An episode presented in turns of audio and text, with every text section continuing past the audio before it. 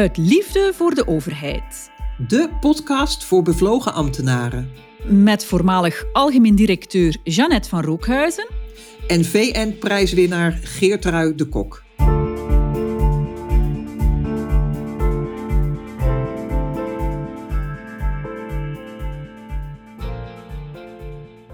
Mijn Nederlandse evenknie, Jeannette van Rookhuizen, stelt als naam voor onze podcast voor uit liefde voor de overheid. En ik kan u zeggen, die titel deed mij wat. Liefde en overheid in één zin. Hmm, hoezo?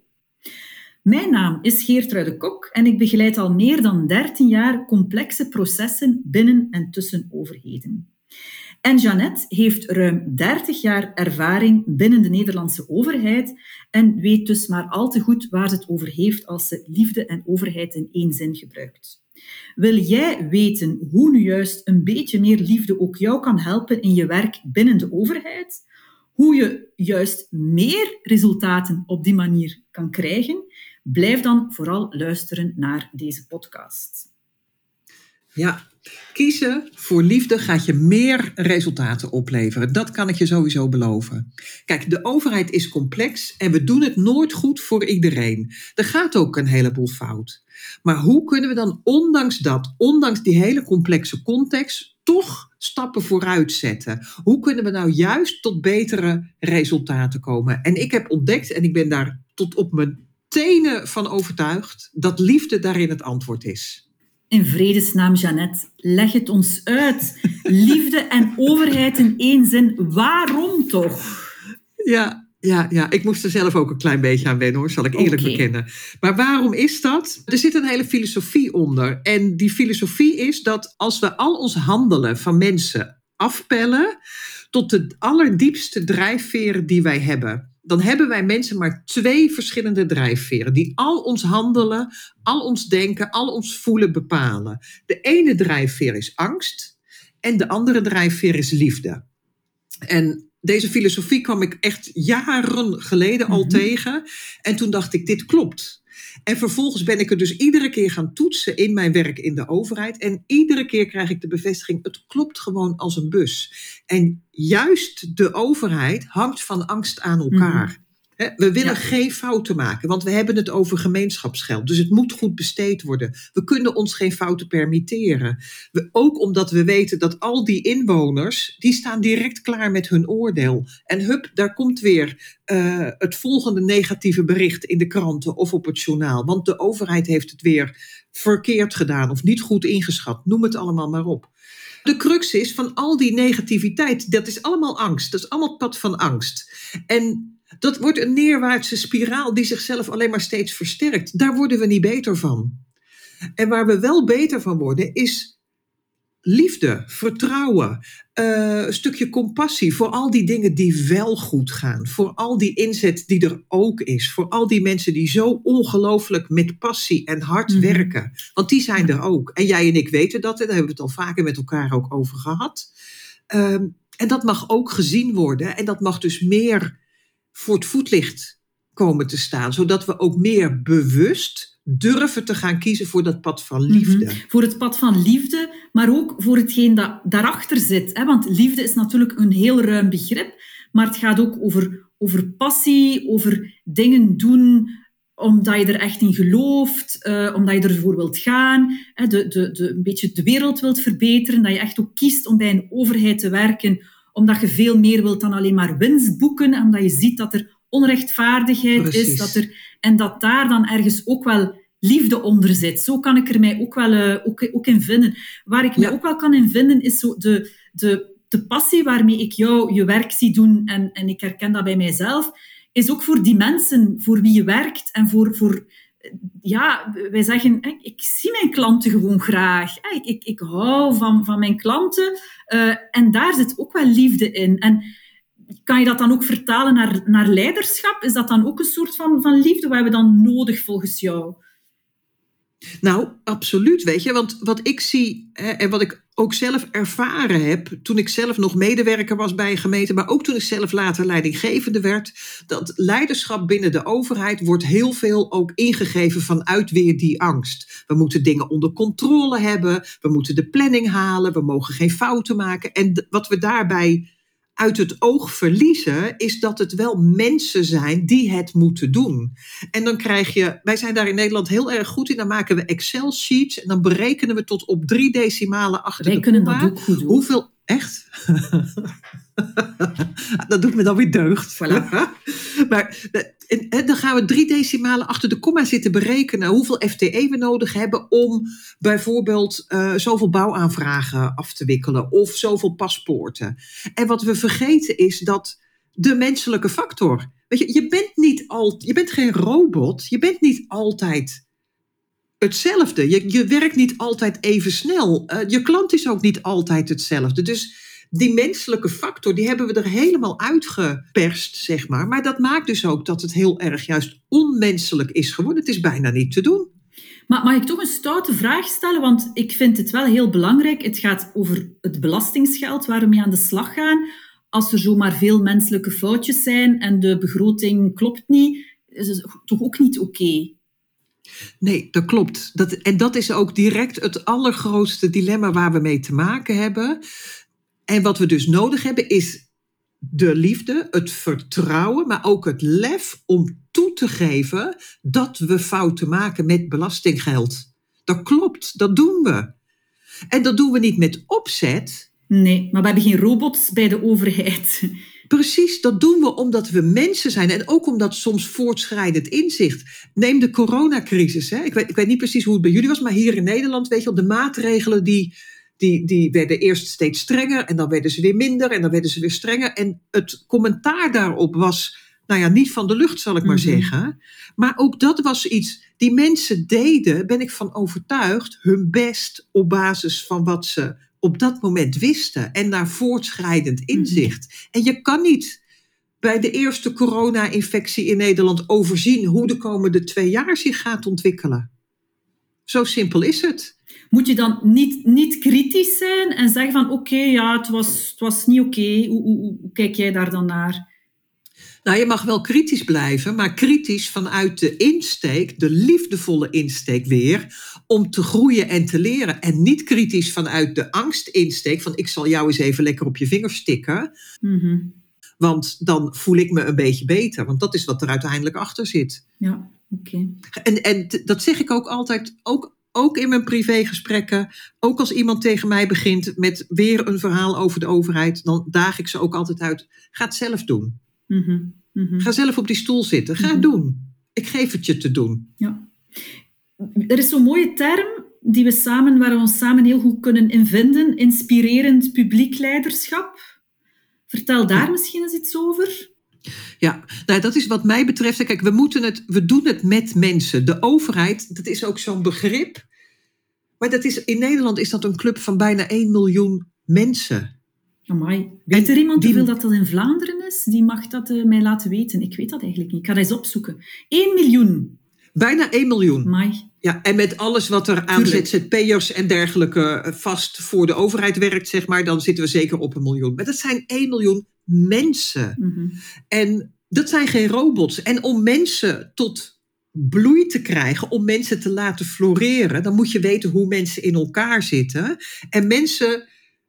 Uh, we hebben die, die, twee drijfveren, angst en liefde. Mhm. Dus daar moet je iets over weten. Van hoe, hoe krijg ik ze dan op dat pad van liefde? En dat doe je door ze te inspireren om een bijdrage te leveren. En dat maakt voor mij het kringetje weer rond. Want als er nou toch één plek in de wereld is waar je een bijdrage kan leveren aan de samenleving, aan een mooiere wereld, dan is dat de overheid. Voilà. En daar komt dan ook weer die liefde voor de overheid, waar ik mij dan wel kan in vinden, omdat we net die bijdrage kunnen leveren. Waar ik ook aan denk, als je het dan hebt over hè, dat je als leider, als leidinggevende uh, mensen kan meenemen in het verhaal, waar ik dan veel ervaring in heb, en vanuit stakeholder management en co-creatie, is het ook het niet-hierarchisch leiding geven. En je hoeft daarom geen team te hebben waar je direct leiding aan geeft, maar het uh, ervoor zorgen dat een bepaald project vooruit gaat. En dat is dan, ik werk voor het heel vaak met mensen die rond klimaat bezig zijn of rond, rond rechtvaardigheid, rond cultuur. Waarbij dat, dat die niet per se een team hebben om dat samen mee te doen, maar in een transversale project, het samenwerken, ervoor zorgen dat mensen vanuit hun eigen belang eh, zin hebben eh, om aan te haken aan een, aan een traject. En allee, dat vind ik een heel... Als je niet inspirerend kan zijn en als je niet kan mensen laten voelen waarom ze zouden meedoen met je verhaal, dan lukt het niet. Hè? En dus nee. ik ben ervan overtuigd dat daar heel veel interessants in zit. Ja. Ja, het mooie van wat jij zegt, inderdaad, het, A, het heeft helemaal niks met je positie te maken. Mm en, en daar hoeven we alleen maar voor rond te kijken om te zien dat het daar niet in zit. Want anders hadden we nu al wel een veel betere overheid hadden we veel betere resultaten. Mhm. maar we doen het allemaal een beetje op de, uh, tussen aanhalingstekens, toch de ouderwetse manier. Met structuren, met hiërarchie. Daar heeft het niks mee te maken. Maar het gaat ook over dat inspirerend zijn, dat menselijk zijn. En ik zeg altijd, een goede leider, die weet mensen zover te krijgen dat ze doen wat jij wil dat ze doen omdat ze het zelf willen. Ja, voilà, mooi. Ja, precies. En dat is inspirerend publiek leiderschap. En dat is inspirerend publiek leiderschap. En daar gaan we het in deze podcast nog heel veel over hebben. Dus het gaat niet per se alleen maar over leiding geven en hoe doe je dat, maar het gaat vooral ook over inspireren, mensen meekrijgen vanuit uw authenticiteit, vanuit wat, dat je, wat dat je bent, wie dat je bent, waarom dat je het doet, mensen gaan meekrijgen. Jeannette, Eentje waar ik het woord liefde ook heel erg voel passen, dat gaat over de, de liefde voor de mensen waar, waarmee we werken. Hè, onze klanten, zal ik maar zeggen. Uh, ik heb dat ook heel erg. Ik, uh, ik zie die gewoon graag. De klanten waarmee ik... Dat vind ik zo mooi hoe jullie dat zeggen. Ik zie die graag. Is het waar? Zeggen jullie dat niet? Nee, dat zeggen wij niet. Wij zeggen dan, daar hou ik van. Oké, ja. Daar houden we van. Ja, ja. Maar dat bedoelen jullie toch? Ja, ja, ja, dat bedoelen we zeker. Maar als ik zeg, ik hou van jou, dan is dat een grotere afstand dan ik zie u graag. En dat zeg je niet zomaar. Dus ik zie mijn klanten echt graag. En ik denk dat ik dat een paar jaar geleden ook niet zou hebben willen durven zeggen.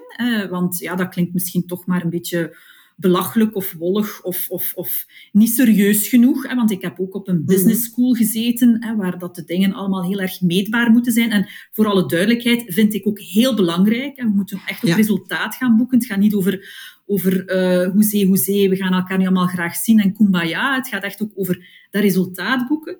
Maar die liefde voor die klanten waarmee we werken en te zien wat dat zij neerzetten en realiseren ja, daar past dat woord liefde helemaal voor. En vertel eens, je hebt zo'n heel mooi voorbeeldje. Ja, ik heb. Uh, en, en dat past inderdaad helemaal bij wat jij zegt, weet je wel. Dat het, maar ook weer bij het gaat om mensen. Het voorbeeld wat ik heb, waar ik altijd gelijk aan moet denken, is een van mijn klanten. Ik heb haar al gedurende een aantal jaren mogen coachen. Zij werd leidinggevende na een ambtelijke fusie. Een wat? Een ambtelijke fusie? Een ambtelijke fusie. Eh, vertel eens, wat is dat dan precies?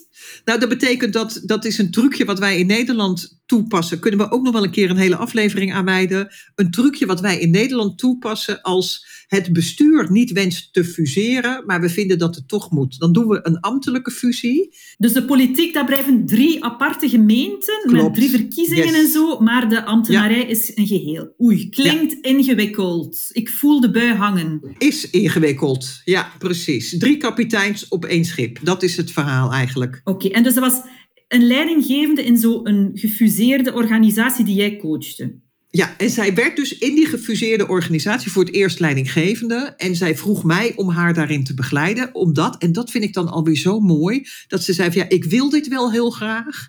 En ik heb echt wel een beeld van waar ik met dat team naartoe wil. En dat was ook, ze wilde kwalitatief naar een hogere standaard toe. Ze wilde meer resultaten boeken. Uh, ze wilde veel minder van het gedoe en gemuts in het team zelf wat ze gewend was. Dus ze was ook zeker resultaatgericht. En ze zei heel open tegen mij: Ik weet niet precies hoe ik dat moet doen. Wil je me daarbij helpen? En we zijn een aantal jaren met elkaar gaan optrekken. En in die tijd, nou even lang verhaal kort. Ik durf te stellen nu, we zijn vijf jaar verder. Zij is de beste teamleider in die organisatie. Echt. Ziet ze dat zelf ook zo? Wou ik precies zeggen. Nee, dat ziet ze zelf niet zo. Daar mhm. is ze zo bescheiden in, hè, want ze heeft nog steeds. Dat zijn zo toffe klanten, hè? zo die bescheiden klanten. Ja. Want als je denkt dat je het weet en dat je het allemaal voor elkaar hebt en goed doet, dan, ja, dan, dan kan je niet openstaan voor, want je, je, je moet gewoon blijven groeien en blijven naar jezelf durven kijken. En ja, mooi. Ja. En dat is precies, jij herkent dat ook en zij heeft dat dus ook. Zij doet dit niet voor de status. Mm Mhm. Zij doet dit omdat ze echt die mensen verder wil helpen. Maar ook omdat ze echt. En voor het resultaat natuurlijk. Voor het resultaat. Ze wil die mensen verder hebben. Maar eigenlijk zit daar nog boven. Mhm. Ze wil haar klanten optimaal bedienen. Voilà. En om dat te kunnen bereiken, heeft ze het nodig dat die mensen zich ontwikkelen. Voilà. En, nou, zo is dat kringetje weer rond. En waarom wil ze die klanten optimaal uh, bereiken of optimaal bedienen? Natuurlijk, en dan komen we weer bij het thema liefde, neem ik aan. Hè, omdat de burger een goede service zou krijgen, omdat ook de mensen die minder mobiel zijn, minder weet ik wat, dat we dat op een rechtvaardige manier kunnen doen. Voilà, en dan is het cirkeltje rond. Ik kan ook nog een paar mooie voorbeelden geven over hoe ik mijn klanten graag zie, maar ik denk dat dit voorbeeld gewoon heel duidelijk is. Het had evengoed ook mijn voorbeeld kunnen zijn. Leuk om tot de conclusie te komen dat liefde dan toch echt wel het antwoord is maar dan wel in de zin van liefde, niet in tegenstelling tot resultaat. Het is niet kumbaya en allemaal elkaar omhelzen en uh, tegenover iets realiseren. Nee, het is net om meer te realiseren. Dus daar kan ik mij dan wel helemaal in vinden. En ook niet de liefde voor de overheid, het instituut. Hè. Daar voel ik niet per se veel liefde voor. Maar wel voor wat het teweeg brengt en voor wat dat mensen realiseren en voor wat het maatschappelijk allemaal uh, met zich meebrengt. Daar kan ik mij dan wel ook uh, helemaal in vinden. Jeannette, volgens mij zijn wij nog niet uitgepraat. Wat denk je? Nee, nee, dat denk ik ook niet. Dat denk ik ook niet. We hebben nog genoeg te vertellen. Waarover gaan we het nog hebben? Misschien over de fusies, want jij hebt daar heel veel ervaring in, in fusie. Hè? Ehm, je hebt zelf ook een fusie mee begeleid. Uh, je hebt ook een aantal uh, teams en klanten begeleid in fusie. Heel interessant, uh, wil ik het heel graag over hebben. Daar wil ik jou de pieren uit de neus over vragen. Ik wist niet dat ik die had, spieren in mijn neus. Eentje waar ik ook heel erg uh, mee bezig ben op dit ogenblik is hoe houd je die bevlogen mensen, die goede mensen, in de huidige war on talent? Het is zo moeilijk om mensen te vinden, zeker bij overheden. Hoe kan je daarmee aan de slag gaan? Ook wel uh, enige ervaring mee, daar wil ik het ook wel graag nog eens over hebben.